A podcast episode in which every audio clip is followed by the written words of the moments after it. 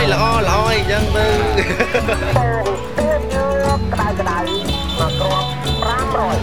Het is ochtend in het avondland. Een podcast van Chris Janssens. Aflevering 11. Uitgerangeerd, maar niet vergeten. Nog niet zeker, zegt de juffrouw mij wel vijf keer na elkaar, en telkens kijkt ze me aan met een onzekere blik over haar brilletje. Hoe meer vragen ik stel, in de hoop concrete antwoorden te krijgen, hoe meer twijfel ik zie achter het glas van dit loket. Ik sta in het treinstation van hoofdstad Phnom Penh, dat er trouwens verdacht leeg uitziet, en ik hoop hier een ticket naar Kampot te kopen. Dat zou alleen ter plaatse kunnen, is mij op het hart gedrukt. Ik mocht zeker geen websites vertrouwen die beweren de vertrektijden te kennen. Dat dienstrooster lijkt wel het best bewaarde geheim van Cambodja. Ik heb hier dan ook nog nooit de trein genomen. De sporen worden vaak gebruikt als marktplaats of als makkelijke doorgang voor voetgangers en brommers. In het slechtste geval zijn het gewoon twee vervelende ribbels in het wegdek, waar toektoeks en aanhangwagens met veel lawaai overdokkeren. Maar er is een gerucht dat de treinen opnieuw zullen rijden nu de pandemie officieel voorbij is. En daarom sta ik hier. Als ik volgende week terugkom, probeer ik nog, is er dan een trein? Maar het meisje raadt mij aan om Facebook in de gaten te houden en schuift haar raampje dicht. De pagina van de Royal Railway Company bestaat inderdaad, maar toont enkel een paar mooie foto's. Ik vind er ook een stukje geschiedenis dat de sporen aangelegd zijn door de Fransen, of wat had je gedacht, in de jaren 30 vooral voor vrachtvervoer van de grens met Thailand aan de westkant van Cambodja tot Phnom Penh en later door tot havenstad Sihanoukville in het zuiden. Ze hebben zelfs sporen gejat in Duitsland na de Eerste Wereldoorlog en ze helemaal naar hier, naar hun Indochine gesleept. De treinen zijn ook gebruikt door soldaten van de Rode Khmer, of wat had je gedacht? Die voerden grote mensenmassa's weg uit de stad om ze verplicht op het land te laten werken. Nog later werden goederentransporten regelmatig overvallen door gewapende bendes. En zo raakte het treinverkeer langzaamaan op een doodspoor. Maar dan, net na Cambodjaans nieuwjaar, zowat een maand geleden, komt de Facebookpagina plots tot leven. Er staan dagelijkse treinritten op vermeld, met vaste vertrektijden en verschillende bestemmingen. Ja, antwoordt hetzelfde meisje nu volmondig op mijn vraag of ik een enkeltje naar Kampot kan kopen. Dat kan. Als ik de volgende morgen om half zeven in het station ben, ruim op tijd zoals mij was aangeraden, staan er al medereizigers te wachten. Een influencer en haar gevolg zijn druk in de weer met een fotoreportage.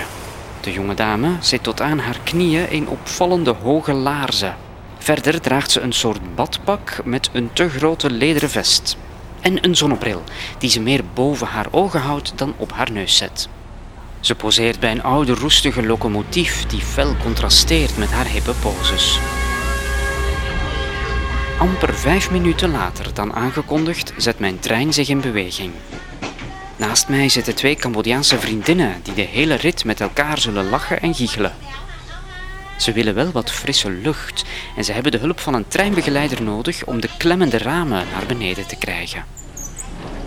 Voor het overige lijkt deze wagon op de oudste modellen die in België nog rondrijden.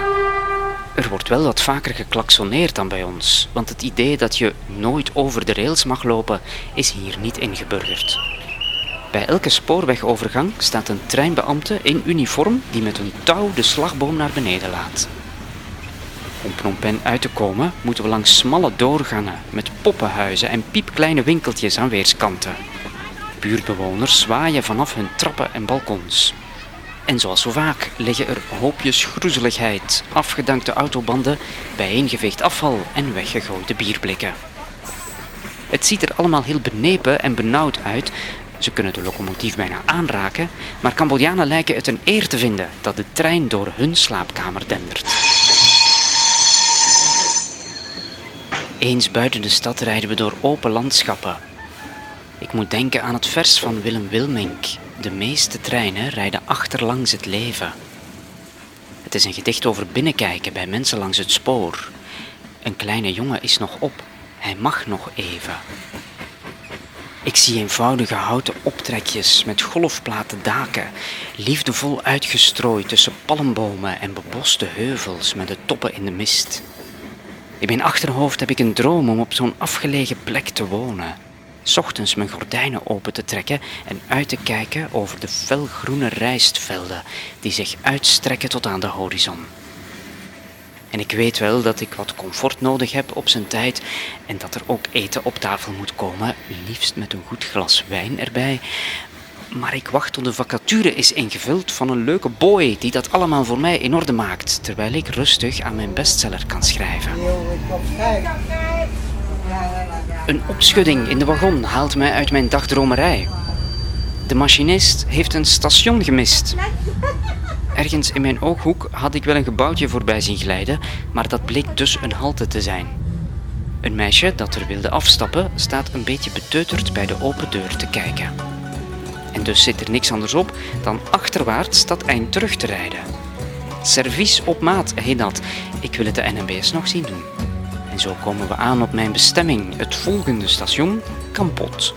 Hier houd ik even halt, terwijl de trein weer verder knarst, nieuwe avonturen tegemoet. Vind je deze podcast leuk? Abonneer je dan via Spotify en klik op de bel om elke woensdag een bericht te krijgen als er een nieuwe aflevering online komt.